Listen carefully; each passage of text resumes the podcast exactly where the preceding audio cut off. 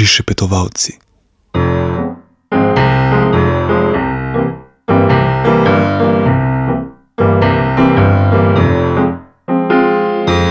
Želim živeti brez skrbi in tu jaz tiskam me ne briga. Vem, kar je treba vedeti. Življenje je odprta knjiga, naj svet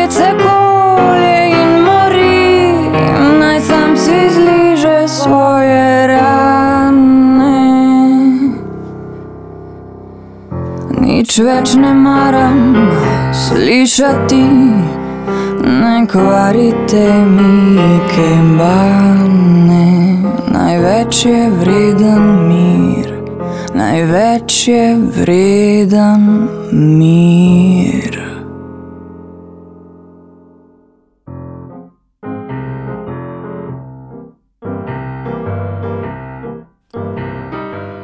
Pozdravljeni v oddaji Prišepetovalci na Radiu Student.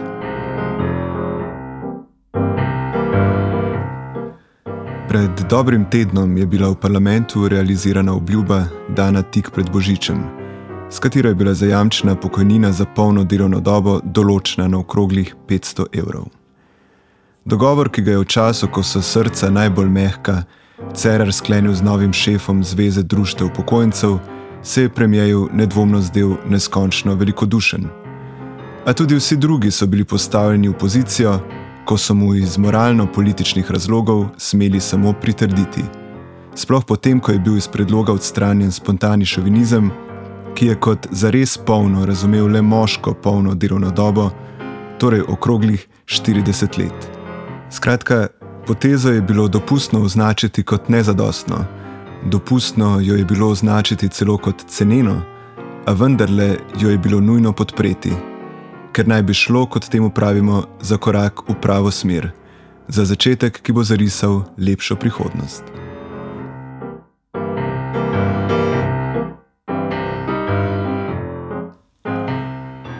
A če dejansko opazimo tisto, kar je najbolj očitno, če opazimo, da se vlada, ki se sicer cenka za vsak evro, lahkotno podpisala pod okroglo številko, postane jasno, da gre za gesto, ki je ne misli k malu ponoviti.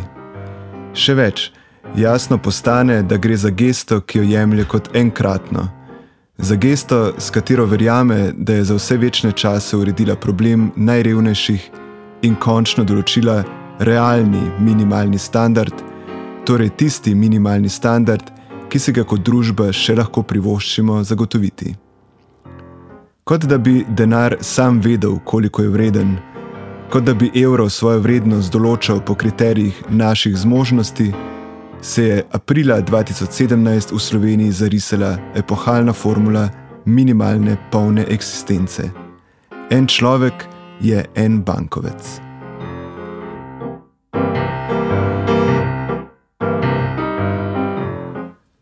Ko se svet uredi na tako popoln način, je najprej popolnoma evidentno, da ne bo pristal na to, da bi ga kmalo kdo skvaril.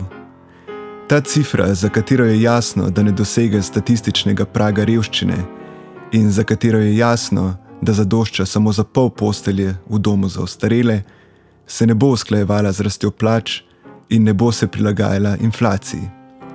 Še več, ker je bila sprijeta na predlog samih upokojencev, bo razumljena kot ultimativni, finalni kompromis oblasti z ljudstvom kot kompromis, torej, po katerem se bodo morale ravnati tudi zahteve tistih, ki že zdaj presegajo realni minimalni standard. Minimum je bil določen na okroglo, določen je bil velikodušno, v njega je bil že uračunan presežek, v katerem je še precej prostora za tiste, ki želijo biti solidarni z objektivnimi zmožnostmi države. In kdor bi želel vihati nos nad 500 evri, se mora spomniti. 500 evrov ni enostavni socialni minimum, temveč ekvivalent minimalne, polne eksistence.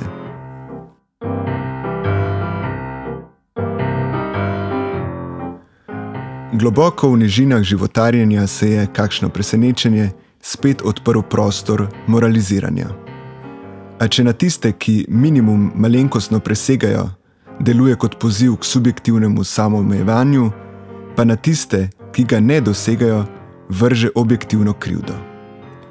Vsi tisti upokojenci, ki boste na račun prejeli manj kot 500 evrov, vsi tisti, ki na račun ne boste prejeli minimalnega, še dostojnega povračila za dostojno vseživljenjsko delo, boste pred oči dobili objektivni dokaz, da si ga ne zaslužite. Dobili boste objektivni dokaz lastne nedostojnosti, lastne nevrednosti, lastne nezadostnosti, da bi svoje življenje lahko označili kot polno eksistenco. In naj bo jasno, ta moralka velja vsem, tako zdajšnjim kot bodočim nepolnim upokojencem.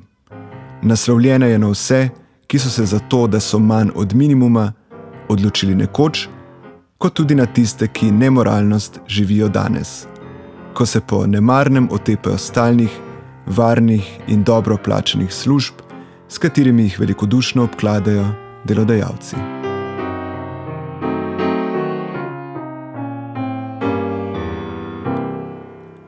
Prav moralistični potencial, ki se razvija v trenutkih, ko oblast ustvari iluzijo velikodušne dokončne rešitve, bi morali kot opozorilo vzeti vsi tisti, ki operirajo s sorodnimi predlogi. Okroglost številke pa naj gre za 500 evrov minimalne pokojnine ali 700 evrov minimalne plače, morda deluje kot dober promocijski trik, morda deluje kot dober instrument mobilizacije politične baze, a na koncu mora plačati ceno svoje lastne nereflektiranosti. Bolj ko je cifra okrogla, več je možnosti, da bo nastopila kot šifra, več je možnosti, da se bo na njo nalepila vrednostna opredelitev, več je možnosti, da bo v njej zaživel moralistični pojem dostojnosti. Pojem, v katerem je dostojno plačilo posledica dostojne eksistence in ne obratno.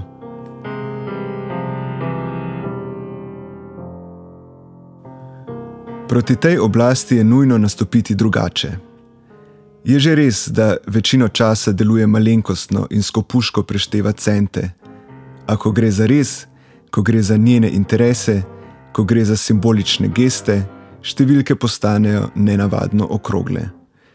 In prav v teh trenutkih jo je nujno ustaviti v imenu sistemskih rešitev, v imenu natančnih izračunov, v imenu finih odstotkov in finih promilov pa naj gre za 500 evrov minimalne polne pokojnine ali za okroglo milijardo evrov, ko je v igri drugi tir.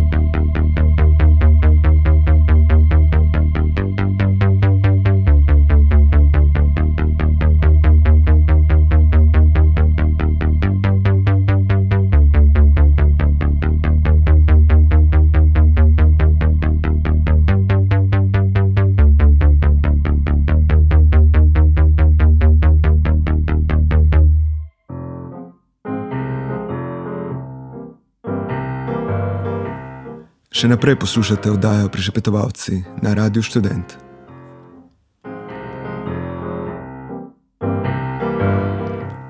Čez slab mesec bodo menila tri leta od ustanovitve stranke Mira Cerarja, stranke, ki je bila dogodek, prav kot radikalni nedogodek.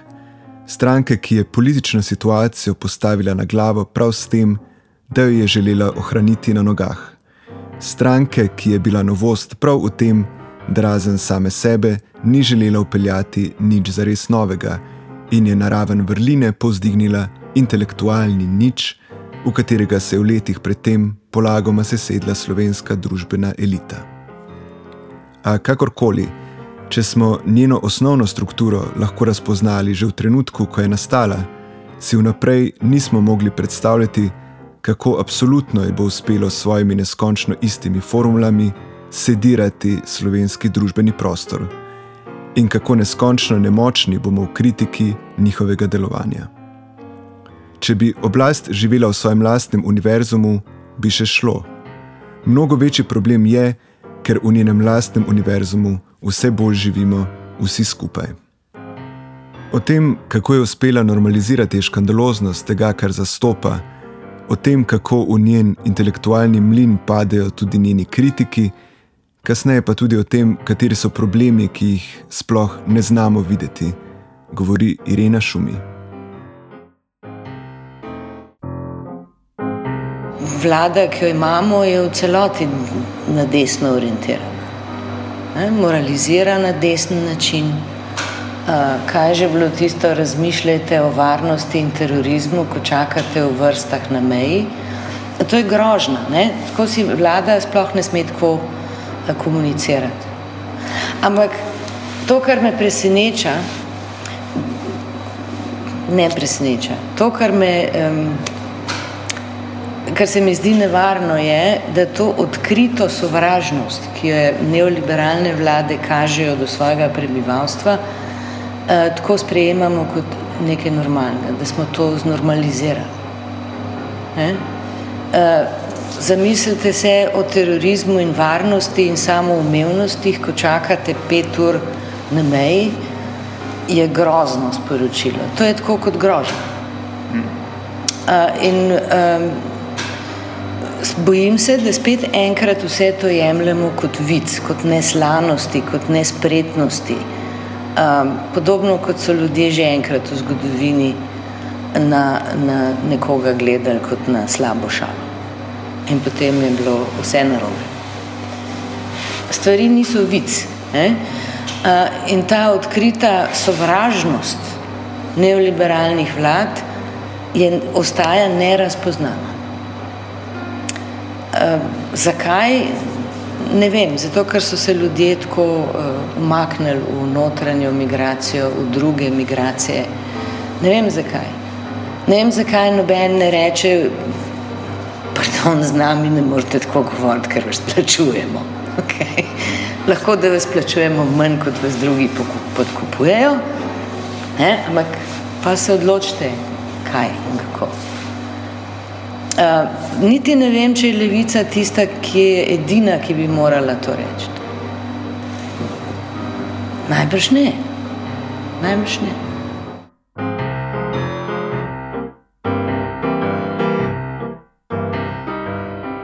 Slovenska situacija je vedno posebna, po moji teoriji, zato, ker smo, ker smo v resnici postkolonialna družba.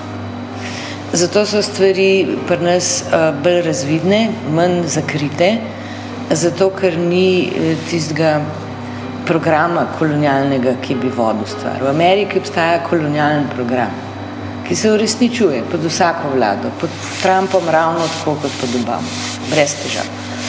Eh, samo z malo več uh, komičnih uh, elementov. Eh? V trenutku, ko je zbombardiral Afganistan, uh, mu je narasla priljubljenost čez noč po vseh anketah.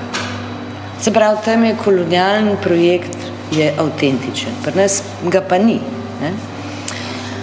Te iste situacije, kot so zdaj smo že imeli, imate prav, mislim, da je ta vlada sedanja v svojem pragmatizmu In v svoji preproščini, ki jo razlaga, je ta novi nacionalizem. Kako se bo ta, da je ta novi nacionalizem neoliberalen projekt, je tudi očitno skozi to. Hočem reči, da se v Sloveniji včasih bolj razločno pokaže, zakaj gre, kot tam, ker so imperialni, kolonialni programi še vedno pravzaprav nekaj, čemu se Amerika sploh odpovedati ne more. No. Tudi če bi se hoteli, se ne morejo. Ne. Um, ta eh, komična desnica, ne, ki nastopa s tem rezervarjem uh, za otroka, za to, za proti ženskam, uh, je, je koristna ne, za to desnico. To pravo, novo desnico. Ampak uh, vprašanje je, kako, kako so interesno skregani med sabo. Lahko. Kje so fevdi? Ne? Na vsak način pa ne vidim, da bi kakšna levica lahko zmagala na naslednjih slovenskih volitvah, ker premalo delajo, bom rekla. Premalo delajo. Pre, premalo imajo, uh, kaj je že ta utrujen izraz, vizij. Pogotnila jih je politična dinamika. Ne? In to je očitno, ker, ker niso več uh, na okopih za bistvene stvari.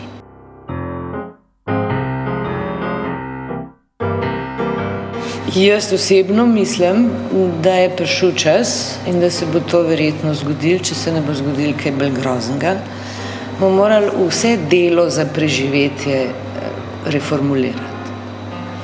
In če rečete v tem smislu, da imamo vse prekerne zaposlitve ukiniti, v bistvu rečete, da imamo za poslovanje kot pojem preživetveni ukiniti.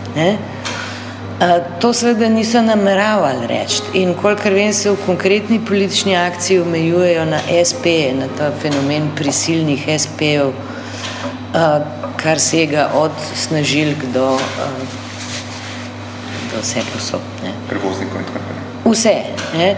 To ni edina oblika prekernosti.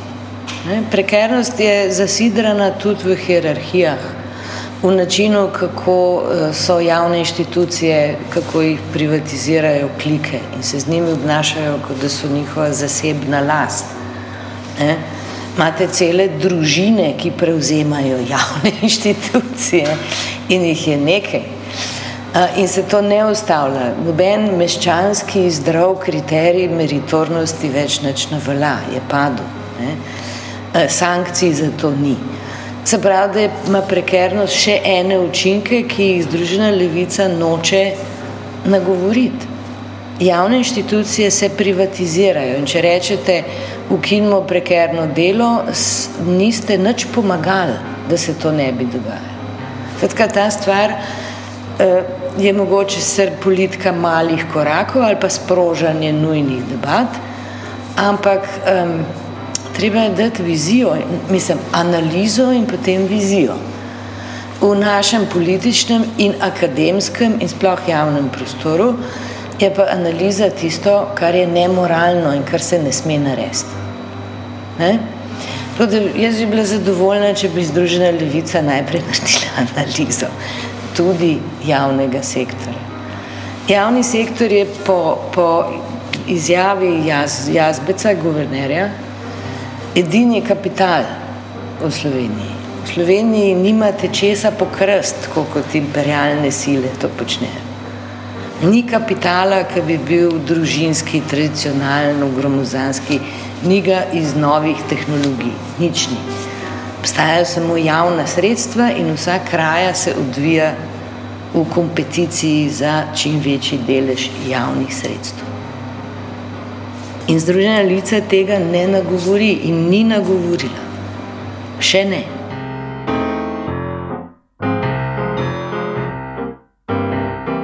In ljudje, ki so mladi in vstopajo v slovenski javni prostor, političen, znanstven, kjerkoli, najprej ugotovijo, da analiza ni priljubljena. Eh? Ampak nekdo bo moral na koncu reči, najprej moramo analizo narediti. Uh, škandal, ki me pa je presenetil zaradi svoje predrznosti, je ta strateški dokument razvoja Slovenije, v katerega je šlo pol milijona evrov. In je slikanca, ki jo lahko gimnazijska skupina naredi v enem tednu. Ne? A, ta predrznost je, je tak, um, tako svareče znamenje. To so, to so te momenti, ki svarijo, um, da, je, da je res stvar. Kadar je oblast tako freh, takrat postane res nevarna. Vlada so ljudje, ki jih mi plačamo iz javnih sredstev, iz davkov, da so pri nas v službi. Ne? In potem take, take uh, srednješolski projekti naredimo fokusko z navadnimi ljudmi, da bomo imeli seminar pri zgodovini ali pa pri sociologiji, se ne morejo zgoditi. Politika, taka kot je v neoliberalni državi, je izgubila resnost.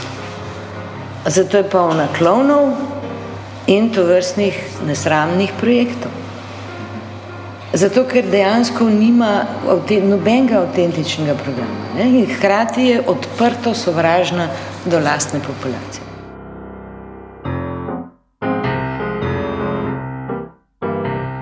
Imate analitike, ki so bolj žurnalističnega tipa, pa ne samo te, imate Noama Čomskega, ki ne, ki je ustanova ameriškega disidentstva, ki govorijo, da so edine možne paralele s kakšnim, s kakšnim propadom Rima, da je to konc celega civilizacijskega cikla, karkoli že to bi bilo, da smo prišli v tisti nihilizem, ker se dejansko smo še uničuje, ta, ta brezumen grabež je neke vrste uničvajne. Ne, tako kot v ameriških filmih, ki zapravijo milijone dolarjev, da avtomobile, eh, da avtomobili frčijo po luftu. Eh, v tej ne, destruktivni fazi, kjer je smisel umrl, eh, kjer za nič več ne gre in kjer gre samo še za kdo ima več. Ne vem, če lahko da je ta analiza čist pravilna, ne, ne vem pa, če je operativna. Zato, ker je očitno, da ljudje v tej stiski se obračajo v to dihotomijo, kdo je naš in kdo ni naš. In imajo ponovno in spet enkrat upanje, da če bomo pa sami naši, bo pa boljši. To mene preseneča, jaz ne vem, zakaj ljudje to verjamejo. Mislim, vse zgodovinske izkušnje kažejo, da najprej, ko začneš ugotavljati, kdo je naš, ugotoviš, da je nobeden nimam pojma, zakaj je ta, zakaj ljudje to tako ustrajno verjamejo. Eno je nacionalistična vzgoja, karkoli, ki je, ki je seveda, iz, mislim, ne, strašna, ampak nobene izkušnje ne kažejo na to, da je to pravilno razmišljanje. In vendar ljudje eh, v trenutku tako odreagirajo, samo tujcev se moramo znebiti, ženske moramo nazaj za šporhec spraviti, ne? pa bo vse v redu, pa bo boljš. To ni res.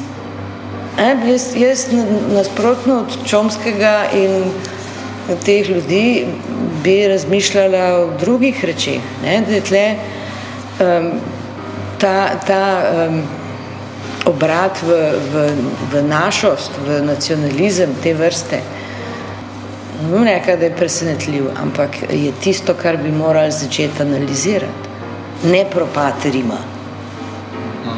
Čeprav je neskončno paralel in v redu, ne?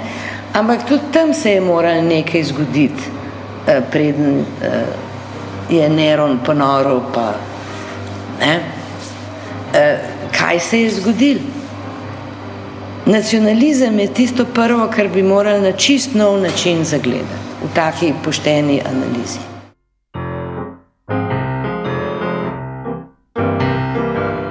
Pred leti, mislim, da je to ostalo takrat dosti neopažen, je Janez Janša lansiral kot veliko novico ti znameniti Marksov tekst, e, iz kjerga Zeitunga že, po marčni revoluciji, e, ki je pa noril, ne, ker so Slovenci pa Hrvati obljubili, da bodo raz, za razpad Avstro-Ogrske glasovali, potem so pa v zadnjem hipu niso ne? in so ostali v rokah in v naročju cesarstva. In je tam znamenito napisal, da so Balkanci narodi brez zgodovine in smetišče narodov. Janša je tu takrat lansiral uh, kot dokaz, kako je marksizem sovražen in ne. To, kar vi zaznavate kot paradoks, v ljudski teoriji ni zaznano kot paradoks. Ne? Če se une horde, ki nam grozijo, tako plodijo, to so nedvomno muslimanske horde, ne? Ja? potem se moramo mi tudi, ker bomo z živim mesom teritorij zasedli, da ne bodo imeli placa med nami. To je huda ambicija za Slovenijo, ki ima dva milijona ljudi in tako površino kot Izrael. Izrael ima pa zdaj koliko, devet milijonov že skoraj in zgleda tako kot Star Trek. um, um, to je natančno uh, pravilno igranje na ljudsko logiko, na ljudsko teorijo, kako to je. Ne? To ne pomeni, da smo mi tudi divjaki, ampak moramo divjakom na divjaški način parirati. To to pomeni. To je v ljudski teoriji nacionalistični popolnoma logično. Grozen je to, da, da to, to ljudsko teorijo v Sloveniji delijo mnogi, ki se imajo za izobražence, za znanstvenike v družboslovju in podobno. To je tisto, kar je tudi se imajo za levičarje hkrati in tako naprej. Ne? Ja. To, je pa, to je pa postkolonialno stanje.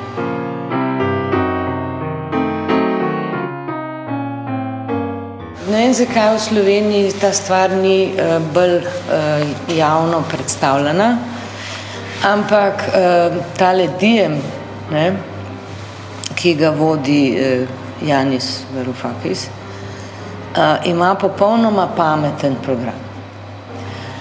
Sicer so strašno zakomplicirali organizacijo in procedure in tako naprej, ampak tudi v Sloveniji je že nekaj podružnic.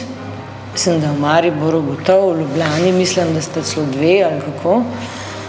Ker imajo tak organizacijski princip, da mora biti v eni partijski celici toliko ljudi, da se lahko med sabo pogovarjajo. Kar meni kaže na to, da so tam ljudje, ki sociologijo obvladajo. Ne? Pa Čomski je seveda tam, pa naš Žižek je tam, pa, pa tisle Srečko iz Zagreba je tam. Mislim, da so gotove stvari čisto dobro razmislili govorijo o političnem programu New Deal, Evropski New Deal, kar je čist jasna aluzija na Roosevelta. Tudi to ni, eh, načelno ni napaka.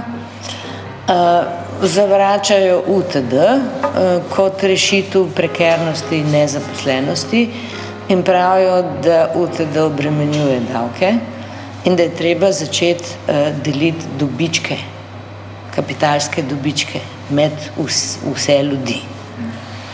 Um, in tako kot to napišejo, ne zveni čist nič utopično.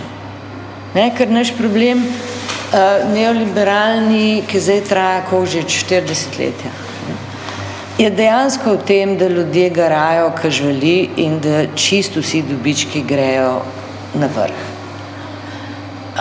Da ljudje to 40 letja prenašajo, je samo po sebi fakt, v katerem bomo morali pisati debele knjige. To je nezaslišano. Ne? Uh, ampak stvar se je zaprla tako kot mišnica, za vsakega posameznika med nami. Uh,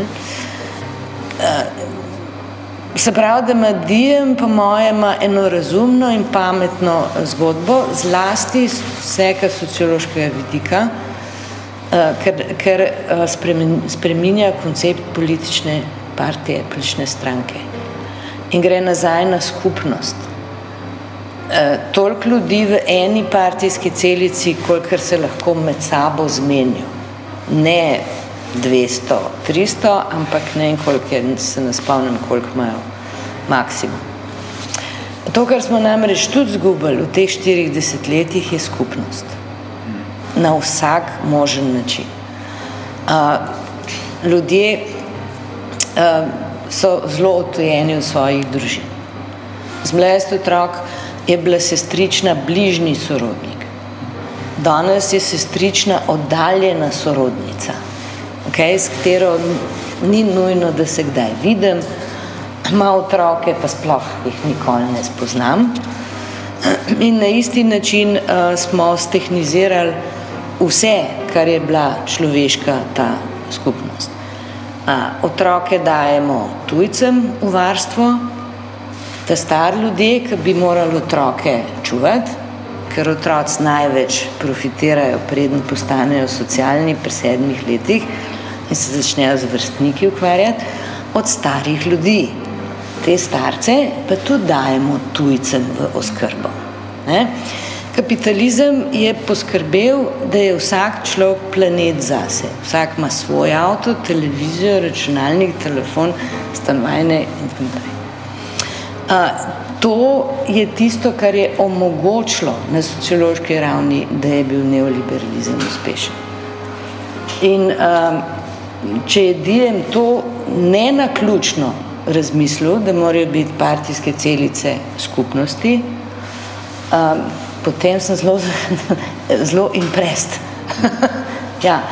Ker uh, ponavadi tako ne razmišljamo, ne? ker se gremo sociološke analize, imamo svoje heroje, svoje velike sociologinje in sociologe in to beremo, se o tem menimo, cel žargon imamo, uh, ne pomislimo pa, kaj, o čem stvari govorijo. Dejansko smo indoktrinirani z individualizmom, popolnoma.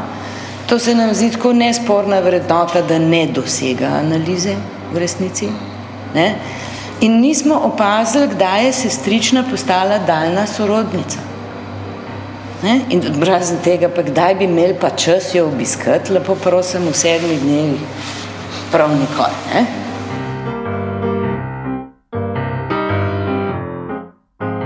Pri nas je zrasla poraba psihofarmakov v, mislim, da v 15 letih dramatično.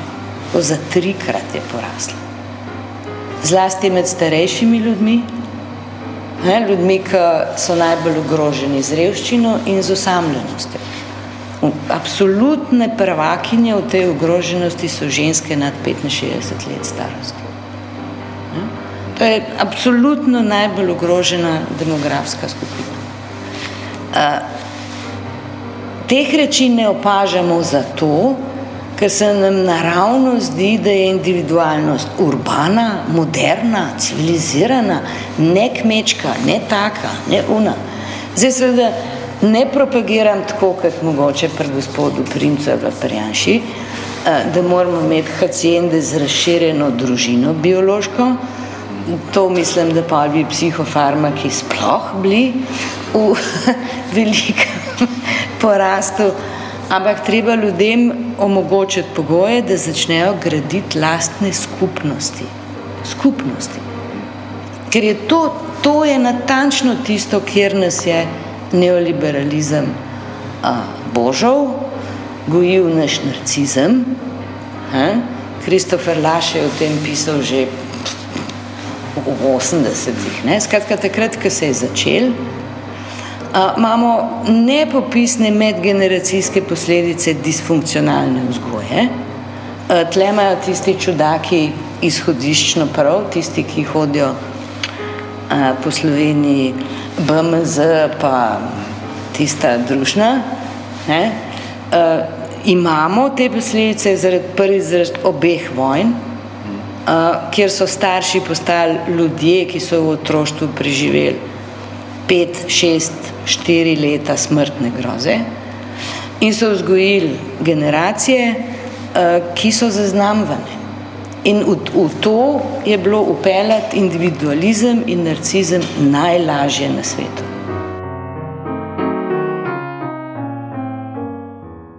Sama sem, sem strašno navdušena nad um, Chrisom Hedgesom, uh, ki je sicer novinar, um, Pulitzer nagrajen, sem svoje dni dolga leta pri New York Timesu, tam so ga potem odpustili, ker se ni strinjal z novimi politikami časopisa. Poročajo med drugim iz Jugoslavije, ki je razpadala, je bil tukaj cele mesece, naredil intervjuje s Tuđmanom, z Miloševičem, mislim, da je tudi napisal v tem knjigu. Bil je v Iraku, skratka, bil je vojni dopisnik do besed. On ima mladostno izkušnjo, ker je bil tak odličen študent, je imel priliko jeti na college, uh, tak eliten, privaten college, ne, sprav, gimnazijska leta v bistvu. Uh, on je prepričan, um, da, je, da je ta ultra bogataška klika uh, v resnici uh, nepovratno psihološko prizadeta. Da to, da stvar generira neko sociopatsko formacijo, uh, potem so ga to v priliki, vsega je cel internet polhen, vprašali zakaj. Pravi zato, ker so tam uh, otroci, ki svojih staršev nikoli ne vidijo, ker so pač high life-ajo, jih ni doma. Uh, otroci so obkroženi z vzgojitelji in uh, personalom, ki mu ukazujejo. Zbra, od tretjega leta, ki spregovorijo, odrasle ljudi befilirajo. Ne? Se pravi, on je prepričan, da gre za, za patologijo. Ne? Uh, vse se tudi drugač, tudi ekonomisti govorijo o sociopatskih menedžerjih in ne? Ampak mislim, da je stvar bolj splošna, da sega dost globi in da imamo posledice, da v, nek, v nekem smislu živimo sredi posledic obeh svetovnih vojn. In da v tem na ta način ne razmišljamo in da z vsemi begunci, ki jih proizvajamo, ne, problem niso pobiti, ubiti si enkrat v življenju in pol je fertik, upajmo. Ne. Problem so preživeli, in da nam milijone ljudi s to vrstno travmo, ki jo sijajno poznamo, o, o travmi druge svetovne vojne je gotovo več tisoč knjig. Ne? In jih ne nehno proizvajamo. In seveda so to ljudje, ki bodo doživljensko imeli psihološko trpljenje in ki bodo zelo težko uspeli to ne prenesti na potomce. Nihče se s tem vprašanjem ne ukvarja. Nihče. In itak ne, cela begunska zgodba, evropska, v zadnjih letih, se je ugotovil, je bila na bremenu civilnega prebivalstva. Ljudje so se samo organizirali, samo organizirali pomoč. Levji delež je šel iz privatnih sredstv slehernika. O kakšni psihosocialni pomoči pa tukaj ni niti govora.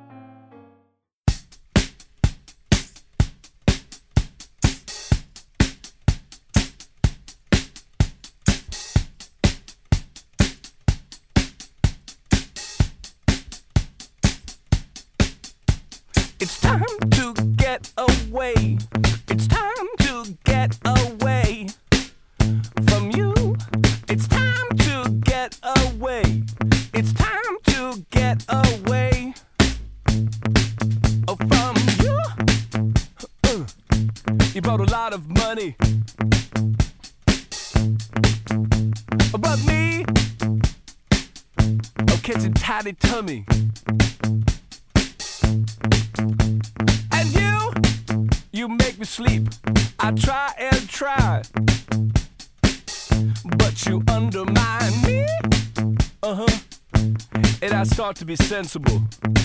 You know what I mean? And so it's time to get away. It's time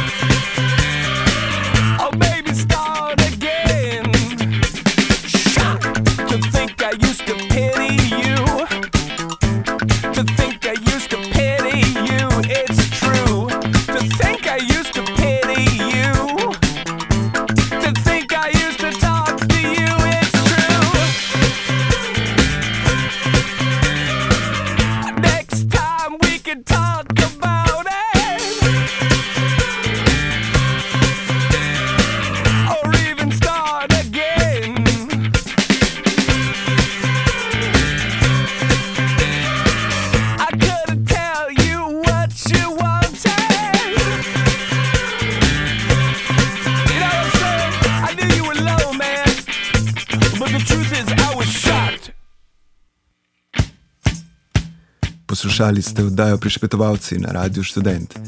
Pripravila sva jo Aleš in Tadej, tehniciral je Makis.